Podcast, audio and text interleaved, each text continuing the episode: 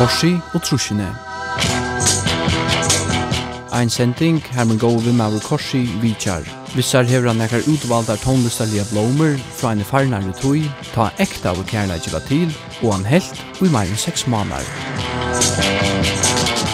Sixt.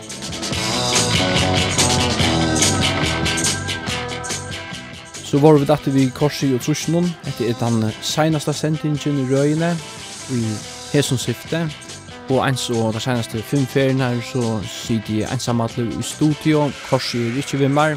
Han uh, er et bedre sted. Jeg vet ikke hver. Men han er trofaster å sende meg uh, pakka i posten. En pakka kanskje usluttet sagt til en, en eskja vi uh, EP-platon som han vil ha med at spela. Og i uh, Pakkanon er eisne eit brev, eit håndskriva brev, og ta ferdig jeg lese ur om han løte. Fyrst legger vi det første EP-platna av.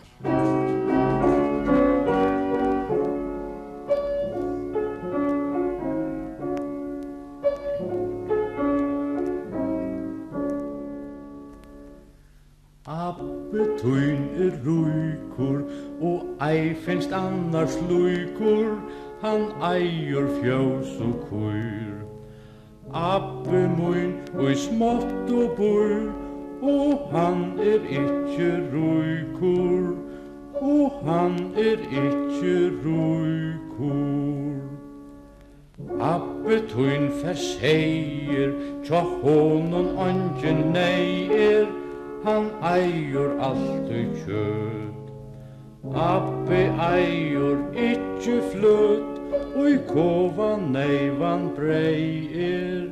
Oi kova neivan brei er. Sjøst du kan hin suja Kvann halje der man pruja Og frukka abba tuin Ikkje prujer abba muin Kåte gamla voja kåte gamla voja. Abbe tuin han gongur, så fattur som ein kongur, og er i gåun la. Abbe sigur allt ui ta, i orki onki longur, i orki onki longur. Abbe tuin er bestur, tja honan gister prestur, tit eru öll so fuin. Og han sigur, Abbe muin, er som ein traskur hestur, er som ein traskur hestur. Tu kanst vera glavur, tu veist han beste mavur, at han er abbe tøyn. Anki er om abba møyn, nei, han er ongen mavur Nei, han er ongen mavur Tau e elski abba, ui sidur nu a stappa, vi gamla grygg og stein. Mer ui hoa, ikkje ein, kan møtast jamt vi appa, kan møtast jamt vi appa. Ja, at det var Flemming Samuelsen ui sang, Abbetunne Ruiker, eh, opptidgen ui 1900 og tjei og trus.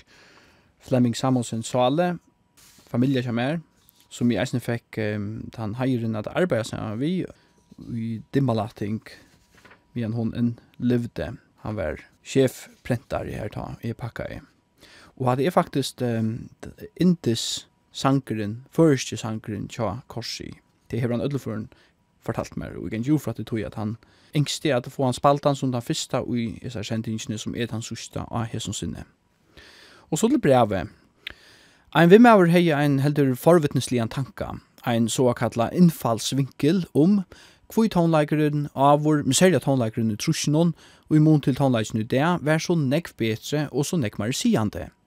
Det er jo ikke løgna, eller lign, er at det er vel langere i middelen snapsenar, det vil si ikke best er gode, men tar fantastiske balkanar og tar fantastiske sannsjonar nu av døvun. Vel, nekv er brøkt vi tonleikje, ser han nekv en ta, Sjálvur tøtningren av åren og tonleikor er en annar. Eit opplagt avstøye og mengan er at høyra er at ha i tøyene stå og mengar dyr enn og boja og etter at vera brottnar opp, men i hesundøvun kan det tidsjast er mest som alt rønt og gjørst avur. Deisha antendu. Men til årene kjavi mannen, han skriver såleis. Te tui at alt er blivet nekk meira lukka mitju i det. Folk heva det og godt, Vi tar var kanskje bruk for en nudjon Vietnam eller omkron tøylukon. Hette er en spårninger at han er større. En spårninger og i fevner og mange tøyande evne, mentan, samfella, folk, rak, arvor, for at nevna nøkker. Her nyttar han ikke affæra lattliga om, og svære tidsist altså ikke være einfalt, tvers imot. Men i skilt til han, og han særa fav og år omkursvekna. Kvært har urønt å være vær, han sier at håndlagren grunn ikkje hos nekva sia langkor, at han hever mist sin såkalla teknalia sess, og som vi mavren eisen tog til, er folk heva det alt og godt, at velene og møvlagene heva aldri vært større og flere. Ja, kvært skal ein urønt å være vant av en folkje, og nå ute med en parsen av sunne tog jeg promovera seg kjolt av nednån. Eit folk, og dyrskar meire neka, ekna kropp, ekna utkjønt, ekna velvere, ja, vi heila tidsi alt og hever vi hitt er vi a svenka og slukna eko i a gjerra. Eit folk og ikkje hever neka originalt som så av hjertanon at sia eller vysa av, men best tidsist at herma og kopiera kvart anna. Tå, ta røyne just a prekva hit motsatta. Ein kan frestast at spyrja, er hette i heila tidsi folk av holdt i blåe, vi en sal og en innara elde, Nastar er vi til, for jeg den du gjeva karar fra 1951. Mørskjene er flott, det er visst. Korsi skrev vi er det, Jeg skal altså ikke bæra meg fram som neka i ikke erre, en lærdur samfelagsfrøyngur, sosiologur eller tøylukt. Men let om okkon ikke gløyma at det framvis er så, og Frank Zappa av sinne tog til, at håndleikur alltid er en vimersing til samfelaget. Vi gjør nåron at håndleikur en solist i heila tidsje reflekterar støvena i samfelanon, ikke minst menneskene. Her kan, som jeg har vi oppleva da, færa tvinnarveier. Anten at tonleikur best er som menneskene og i samtøyne nu er og gjerra, og så henter ikke mer enn så. Etla, det som er og af fram, hetta ta rotje vir satt optimalt potensiale. Er tonleikeren av sonnen er et vetsingarkall fyrir sovandi atterlig. Som et sparsk og bryter jøgnen alt i vi flatest, alt åneiot og i årekvar, og atlan lorst, her atlar dagstonleikar floenar sveima om, for så gjerne at reka til beint nossene av kolveltande manere. Eina fyr per tutsjara skai sikst. Vel, her er jo flere færen framvi, skal jeg helst å sya, og vi boja framvis Fyrir jeg teka elefanten ut av paddelen, sier Liam Howlett ur The Prodigy, at ontsi hefur rørstan så gjerne The Sex Pistols sette eld i alt samfellet at så i 1906 Akkurst om tega. Ein gitin tonlaga journalister hefur sagt mengt avhåverst om i si evne. Eit terra, Lester Banks sa det tosa om, er Industry of Cool – at leikloderen til tonleisnen, årene stava vel og mest fra ui og fjersåren, er reduseret til neka ui folk best nøyta for å syna seg sjølve fram som cool, og at dette nå er våre matestokkeren for gåan tonleik. Om man er, og kan framkalla en kjenslo av cool eller ei. Her om framtelt Lester at tonleika utnavren teker imot buttleika vi oppnån ørmon og valsiknar han fer etter fer. Ein sera ønd ringras. Men, hva var det? er jo best en einfaldur tonlaga fjeppare og ikkje en gong var til 60 år noen. Hatta skriva korsi og nu kjemur han så til til nasta leie. The Left Bank var en amerikansk populkur ur New York City og i var stående av 1905 og forsontur i 1903. Balkeren spalte hetta selja sleie av 60-ara poppe og kallaðis barokkpop. Han kan i stutton lysa som poppor vid klassiskon og all oftast elementon, vanligast strukarar, sempalo og tøylukt. Og som kunnot var det hetta slæg av poppe og i breit i tjøkkenen, og i annars var nekvat høyre atru i 60-åren. Og i 36 gav The Left Bank ut tver singler, tver klassikarar, som etter munnen tidsje teljas middelen tar allar vekrasto og besto fra 60-åren i heila tidsje. Tan fyrre singlen var Pretty Ballerina, og tan setna Walkaway Renee. Etter sigande boar om ta som kvinna, Renee Flatten Kam, og i bassspelaren Tom Finn var pura og olukkelige forelskar roi. Annars vil mytan vera vi at ta i bølkren var i studio og i holdt vi at opptaka Walk Away Renee var hentan hua fam fatal innan til stiar og fyllde vi hvordan leikur for. Tom Finn, kvars nervar topp av, hever sagt såla som hendingstna. My hands were shaking when I tried to play, because she was right there in the control room. There was no way I could do it with her around, so I came back and did it later. Hetta er 60 årene ta det er vekrast og best. Og Korsi sier, legg mest til alt. Og PS, fløyt og soloin, miskais og sannsnon, er etter sigande inspirera fra en av de ærare kjentare fløyt og solo, og gjennom øren kjent om trusjara, nevneliga California Dreaming, takk og lov fyrir og lukkelig om kærleika. Per høyt vi veri utan han, ha, finnur. Musikk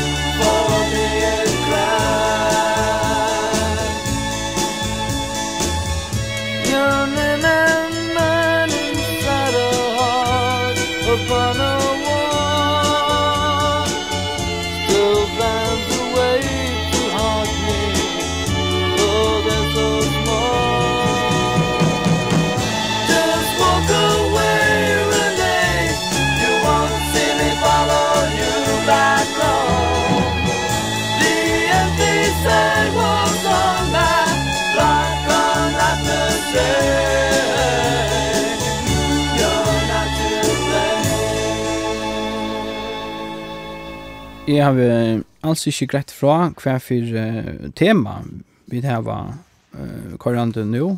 Og det som stender er, han nevnte ikke bra noen, det får ikke nette her til, men det som stender av uh, pakka noen uh, som han har sendt meg, til er tve år, blanda bom.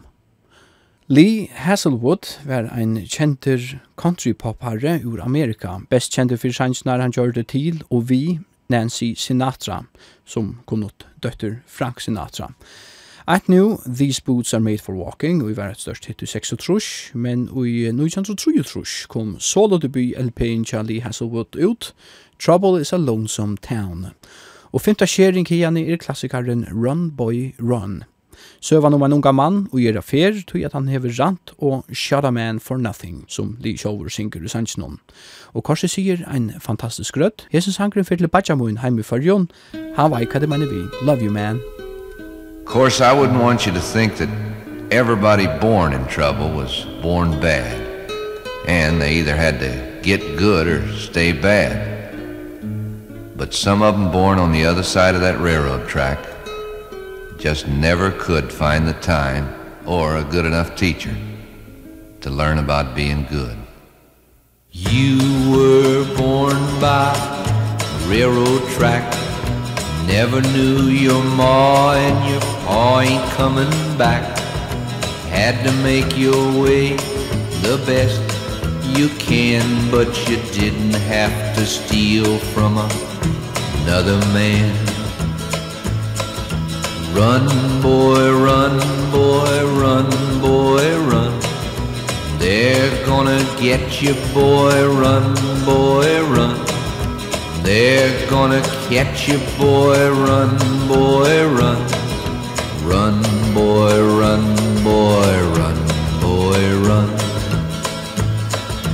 Think you're a man cause you're 21 Shot a man for nothing and away you run. Wanted in most every state from here to Tennessee. And if you're caught you'll do your running Hanging from a tree. Run boy, run boy, run boy, run. They're gonna get you boy, run boy, run. They're gonna catch you boy, run boy, run. Run boy, run boy, run boy, run, boy, run.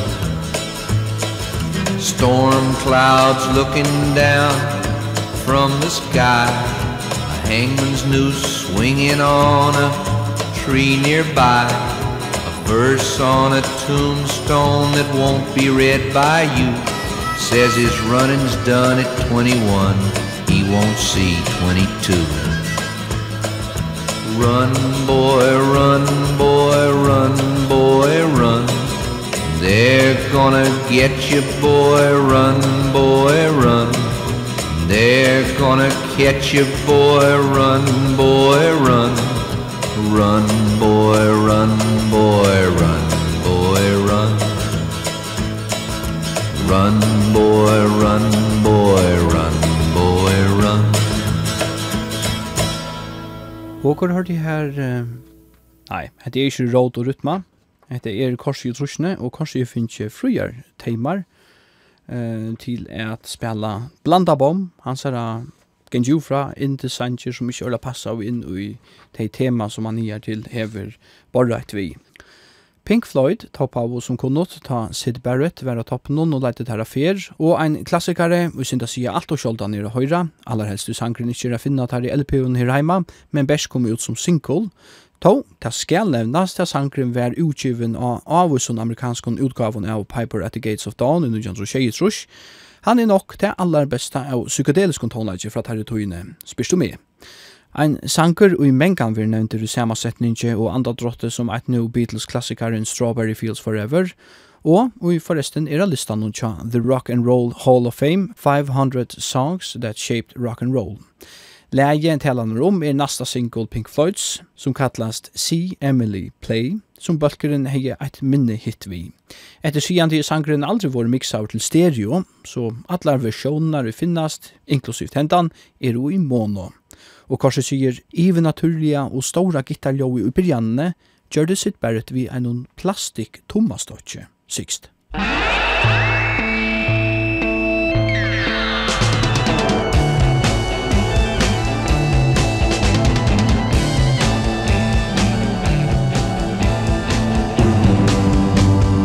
Emily tries but misunderstands. She's often inclined to borrow somebody's dreams till tomorrow.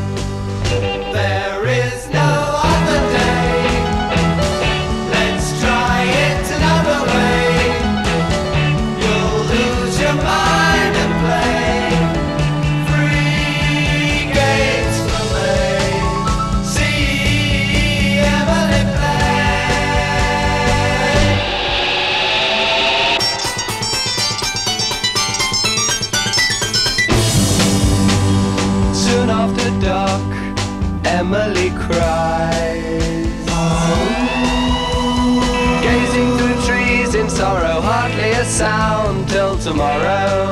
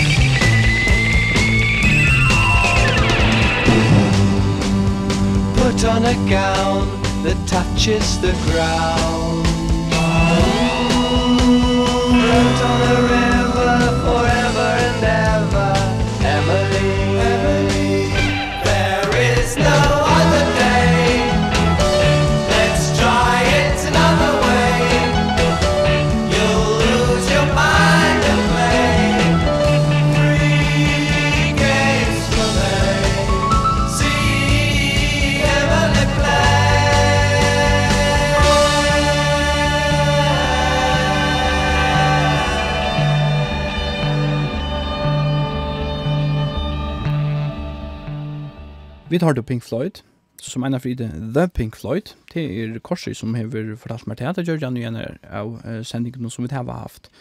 Og en som korset i eisen hever, uh, hva skal man si, hjulpet meg vi til, nemlig å få en opp fire uh, Pink Floyd, eh Mian Sid Barrett rådte fyrir Borgon. Sid Barrett var han uh, front med Avrin Chadamon. Det er første årene inntil han uh, ja, hva skal man si, han ble sveker. Det er jo flere eh, korser enn dem, og kanskje han jo eisne, sjolver, som meta jeg at det sier, første årene til Pink Floyd, eh, var det ikke helt særlig, 60 årene. Sanger Rolling Stones var jo eisne klatter i klassisk kampiona. Og et le, og i tru er at tutsi sætni gjørdes heldur, skal jeg sia, kontroversielt, er The Last Time, som steinane går ut i 1905. Keith Richards hever nevnt at lege er bygd om ein traditionellan gospelsang, This May Be The Last Time, som The Staple Singers tåko oppa band 1955. Tutsi år sætne, 1955, var så ein klassisk instrumental utgave gjørda Lennon vi Andrew Oldham Orchestra av utgavene The Rolling Stones Songbook. Andrew, som kunnet være managere, produsere og anna kjasteinnon.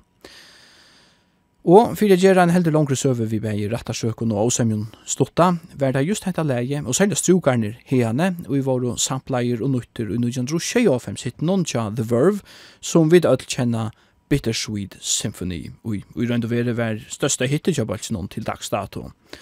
Atler peningren får til steinarnar tøyan verre, kan han sia, Men kvæt, av hinnar i håndene, kan det være lukka mykje. The Verve var jo skottner til tindanar lukka vel, og høtto, ikkje minst, gjørst ein hin besta sanchen tjøkken tøynar.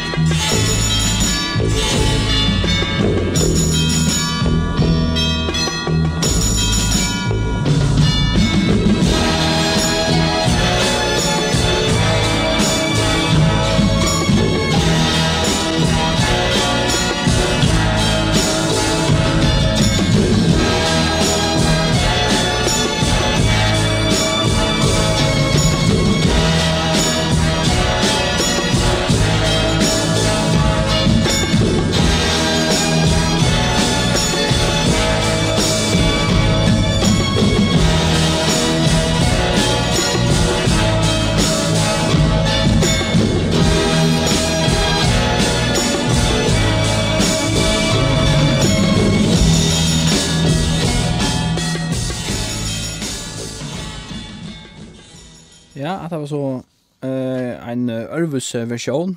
Jeg som er uh, et baden av Forsen og her vi en tannaren av uh, nøytid av noen, minnes jo, uh, jeg ser uh, nøytid versjonen av Asnær Sanchen, Bittersweet Symphony, tja The Verve, uh, en Britpop-bølker, alternativ Britpop-bølker som gjør det omsier ta kom i tankar om nu att du, du skriver en hula engt någon chattar i i början av brevnen kanske om heter vi att to hulair om kvui uh, til så lengt med mittlen der gode uh, snapsenar, tonlistarli snapsenar nu av døvun.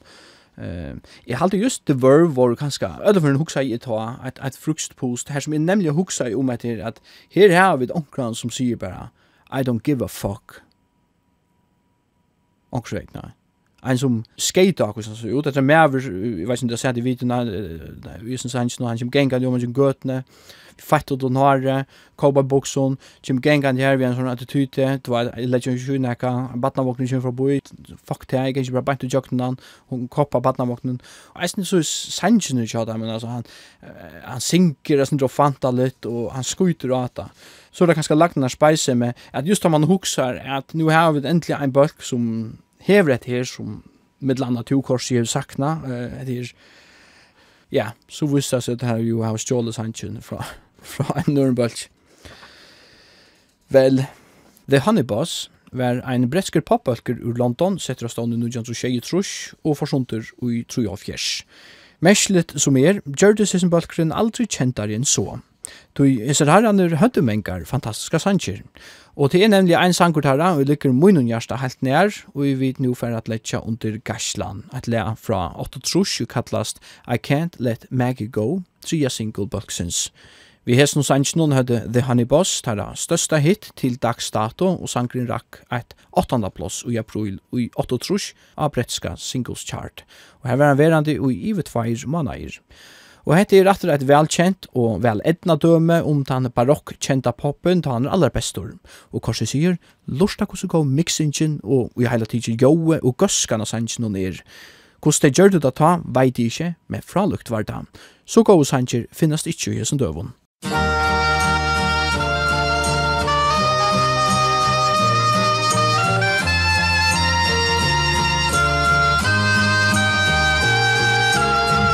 makes me laugh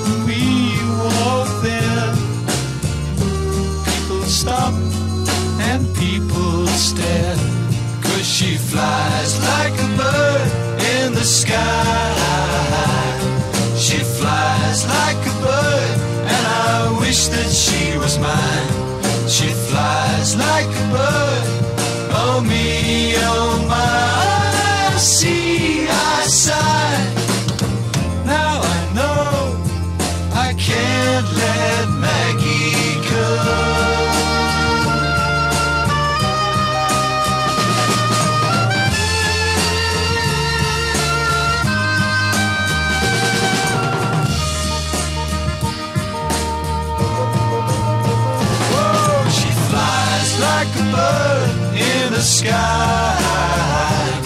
She flies like a bird and I wish that she was mine. She flies like a bird.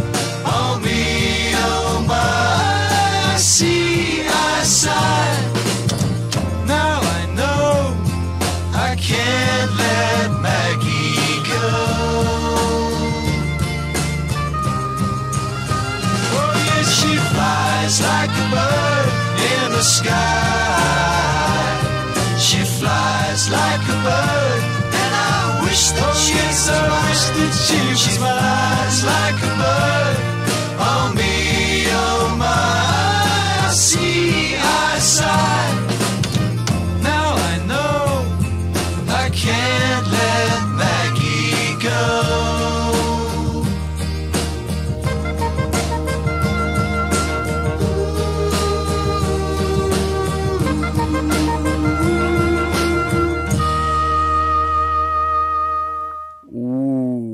jo jo, at det er en pen sanker, men hessen sankeren er altså stjålen.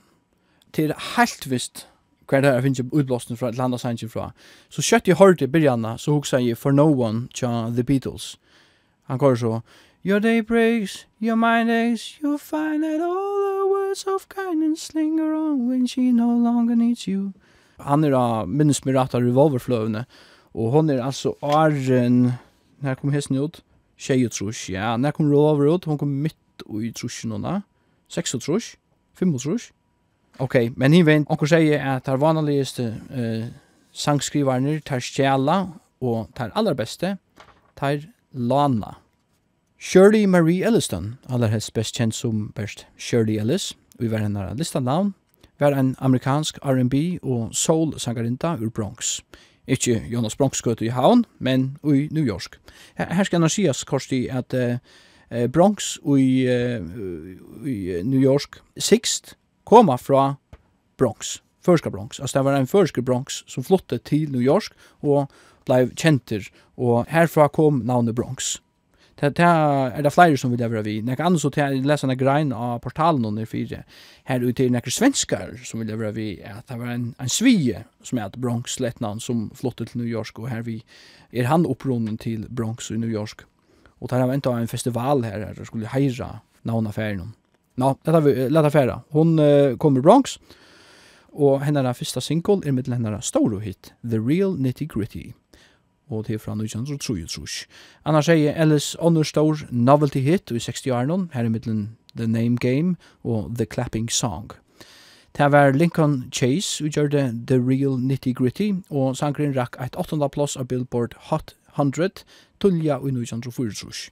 Vi fyrir bare til sjåva sæsna vi The Real Nitty Gritty. Some folks know about it, some don't. Some don't.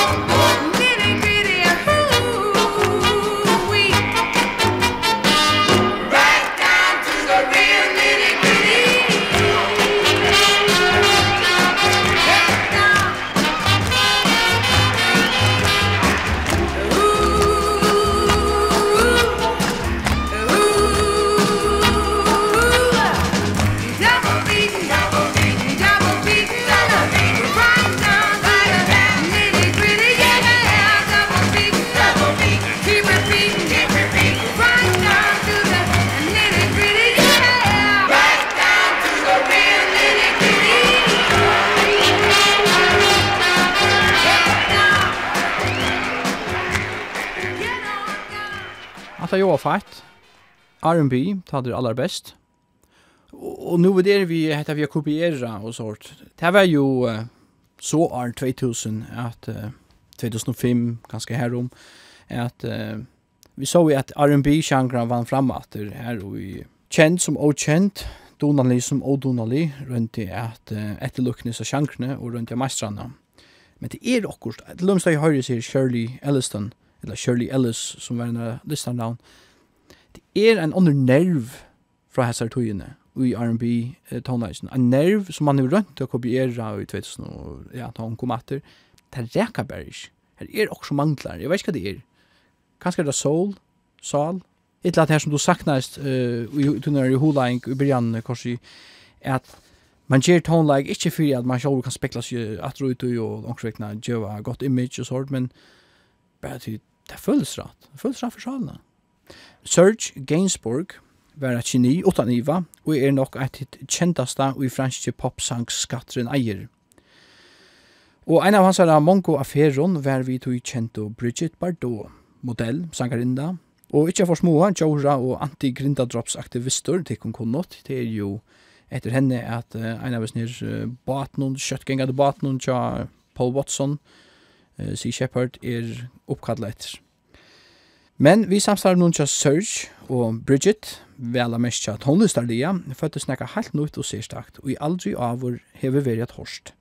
Nemlig av leien Bonnie and Clyde, klassikere tarra fra Otto Trush, fra EP-ene vi samme navnet. Vi tar oss øvna om Bonnie and Clyde, hetta er 6 vi X. Korsi sier, på mest jo i fukla aktio røddenar, slash uilene, og koma og fære i bakgrunnene, sanchen og jøkkenen. Musikk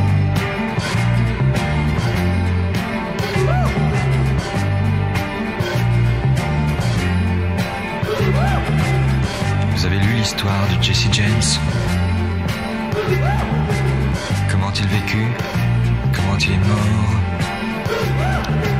Ça vous a plu, hein? Vous en demandez encore?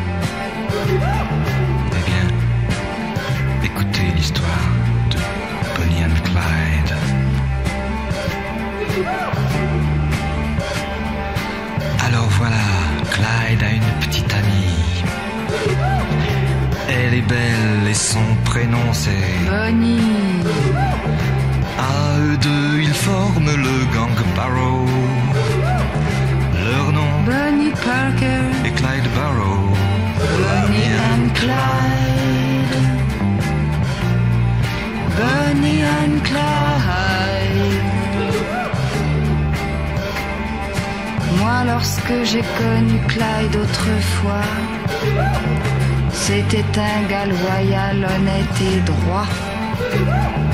Il faut croire que c'est la société Qui m'a définitivement abîmé. Bonnie and Clyde. Bonnie and Clyde. Qu'est-ce qu'on n'a pas écrit sur elle et moi On prétend que nous tuons de sang-froid. C'est pas drôle mais on est bien obligé. De faire taire celui qui se met à gueuler. Bonnie and Clyde. Bonnie and Clyde. Chaque fois qu'un policeman se fait buter qu'un garage ou qu'une banque se fait braquer. Pour la police, ça ne fait pas de mystère. C'est signé Clyde Barrow. Bonnie Parker Bonnie and Clyde. Bonnie and Clyde. Maintenant, chaque fois qu'on essaie de se ranger de s'installer tranquille dans un meublé. Dans les trois jours voilà le tac tac tac. Des mitraillettes qui reviennent à l'attaque. Bonnie and Clyde. Bonnie and Clyde. Un de ces quatre nous tomberons ensemble. Moi je m'en fous, c'est pour Bonnie que je tremble Quelle importance qu'il me fasse la peau Moi Bonnie je tremble pour Clyde Barrow Bonnie and Clyde. Bonnie and Clyde façon, vous ne pouvait plus s'en sortir. La seule solution, c'était mourir. Mais plus d'un les a suivis en enfer. Quand son mort barreau et Bonnie Parker, Bonnie and Clyde. Bonnie and Clyde.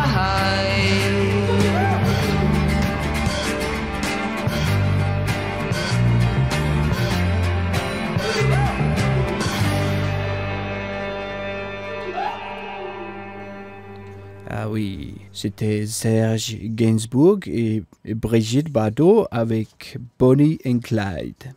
Ja, her var sex vi Stone X, kan man sige. Ja, jeg skjønner etter til at det også har sex, men det er en komposisjon nærmere det vel. Vi halte var, vet jeg, strukar. Du, du, du, du, du, du, du, du, du, du, du, du, Oi, det er godt. Så er det neste leie. Napoleon XIV. Hva er det til? ikke fyrstende, ja, Napoleon fyrstende. Og i anker du nytte navnet Napoleon Bonaparte som listar navn, var et prosjekt tja Jerry Samuels og gjør det, ja, ørvuse tonleik. Og i 1936 fikk han sitt stora og einaste hit vi They're Coming to Take Me Away, haha. Hese novelty og marsjeringssangeren rakk et tria plass av Billboard Hot 100 hin 13. august, og er fjara plås av bretska singles chart. Og i sangen hon har vi fortelleren greia fra om et bråd vi kommande over haft vid damena. Tidsis det, to, ta alls ikkje er daman, men eka anna, og i ikkje ferja det avduka. Og hvordan fortelleren så lojande krakulerar sykust. Stuttlet, besøgjene av sangen og jeg eiter Aha-ha, Java, M, Ekat, ot gni mok er urøndu veri bare asøgjene spalt atretter. Jeg elsker dette. Ja, hva så heter det? En er jo hele tiden. Remember when you ran away and I got on my knees and begged you not to leave because I go berserk? Well, you left me anyhow and then the days got worse and worse and now you see I've gone completely out of my mind. And They're coming to take me away, ha ha They're coming to take me away, ho ho, hee hee, ha ha To the funny farm where life is beautiful all the time. And I'll be happy to see those nice young men in their clean white coats And they're coming to take me away, ha ha.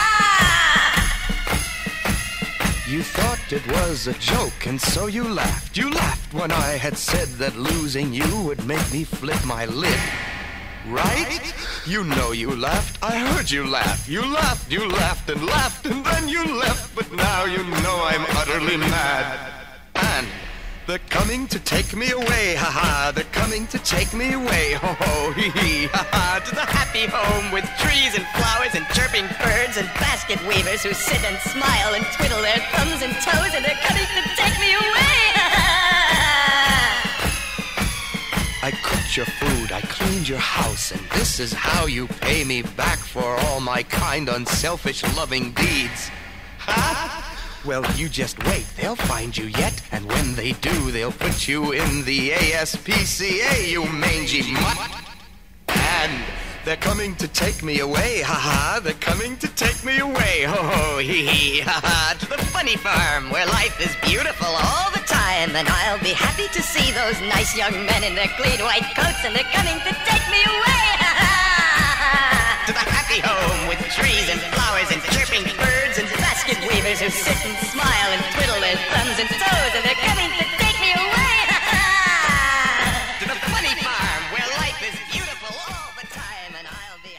Nekka som hender fyrir mannen, ta ui daman kjer til han liot. Så er ofta ne. At det kanskje snindra sindri ansøkning vi til han som søtti ui byrjan av sendingsne, at 60 årene var mest av at ekta av kærleik ikke var til, og at han var til ui meir, i ødlum for meir enn 6 måneder. Det gjør han i ødlum for ikke ui hesson for, så det høyde vel eisen hjertas som ta i tøyne.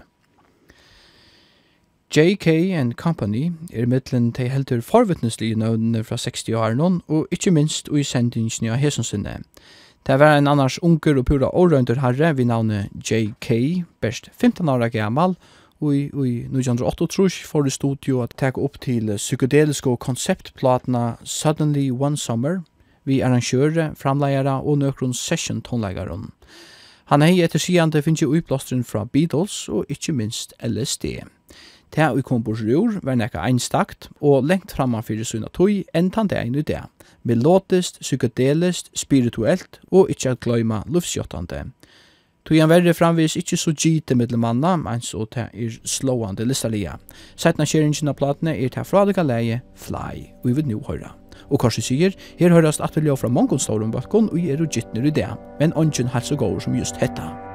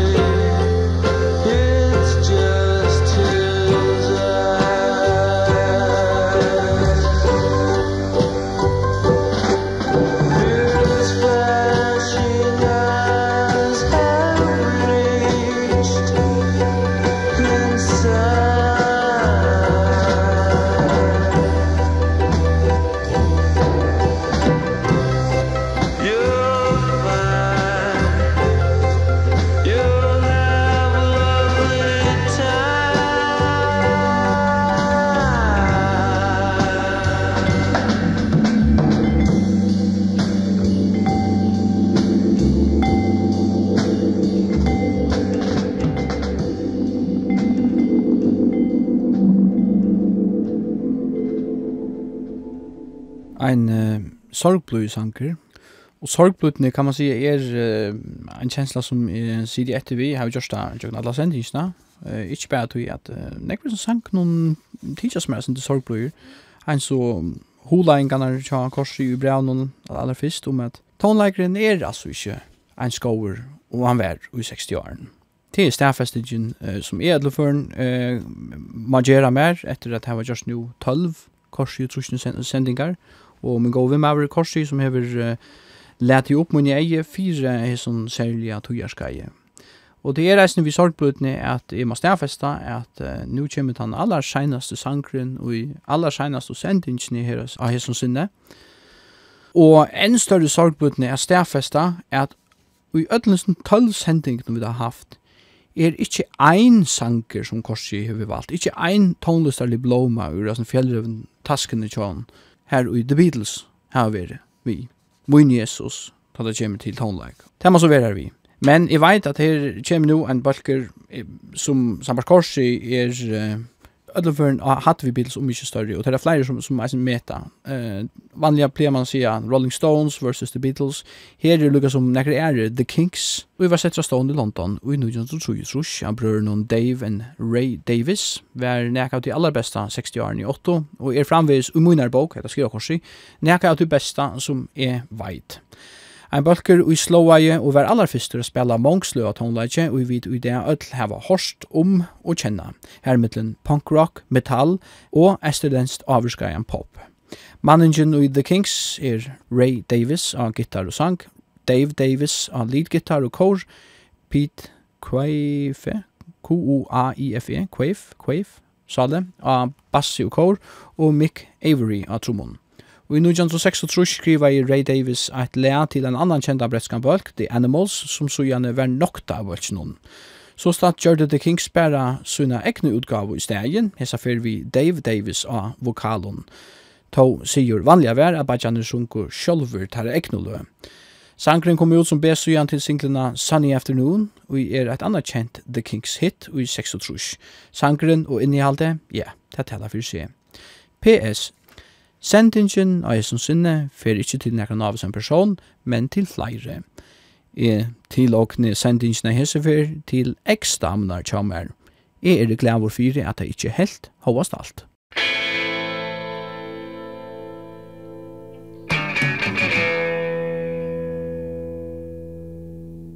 I won't take all that they hand me down And make out I smile though I will frown I'm not gonna take it all lying down Cause once I get started I go to town. Cause I'm not like everybody else.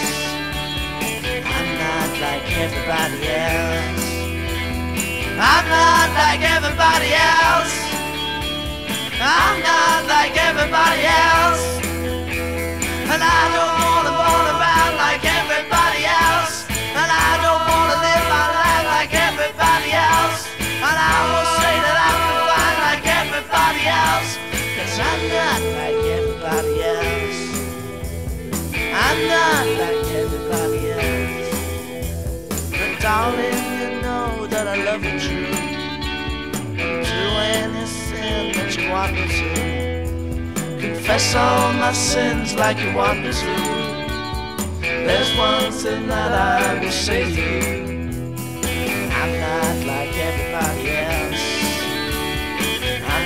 like everybody else.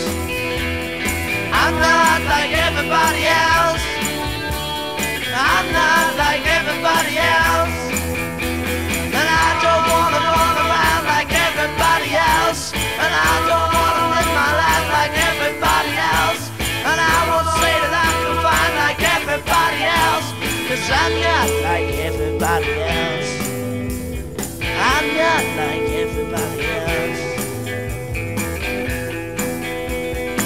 everybody else. Like everybody else. Like everybody else. Like everybody else.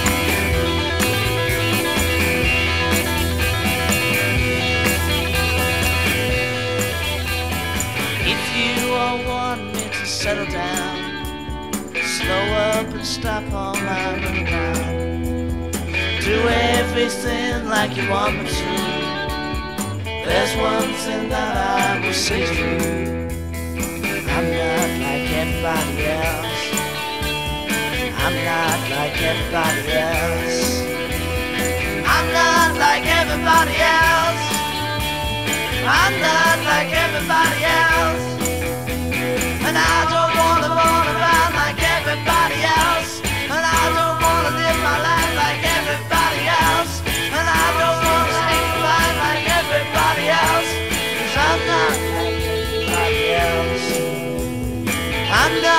everybody else Like everybody else. Like everybody else. Like everybody else. Like everybody else. Like everybody else. Like everybody else. Like everybody else. Så vær ikke mer i korset i utrustningen her som sinne. Røyen endar her, Jeg vågne at korset helt er godt, hver han nå ene for er, og han kan skal komme hjem til kjøtt, så vi kunne for å flere sendinger til Det er altså best å ha det nye utvarstående korset. Ja, det var det. Takk for jokken, korset og finne kåpa. Vi høyrast vågnande ene for atter.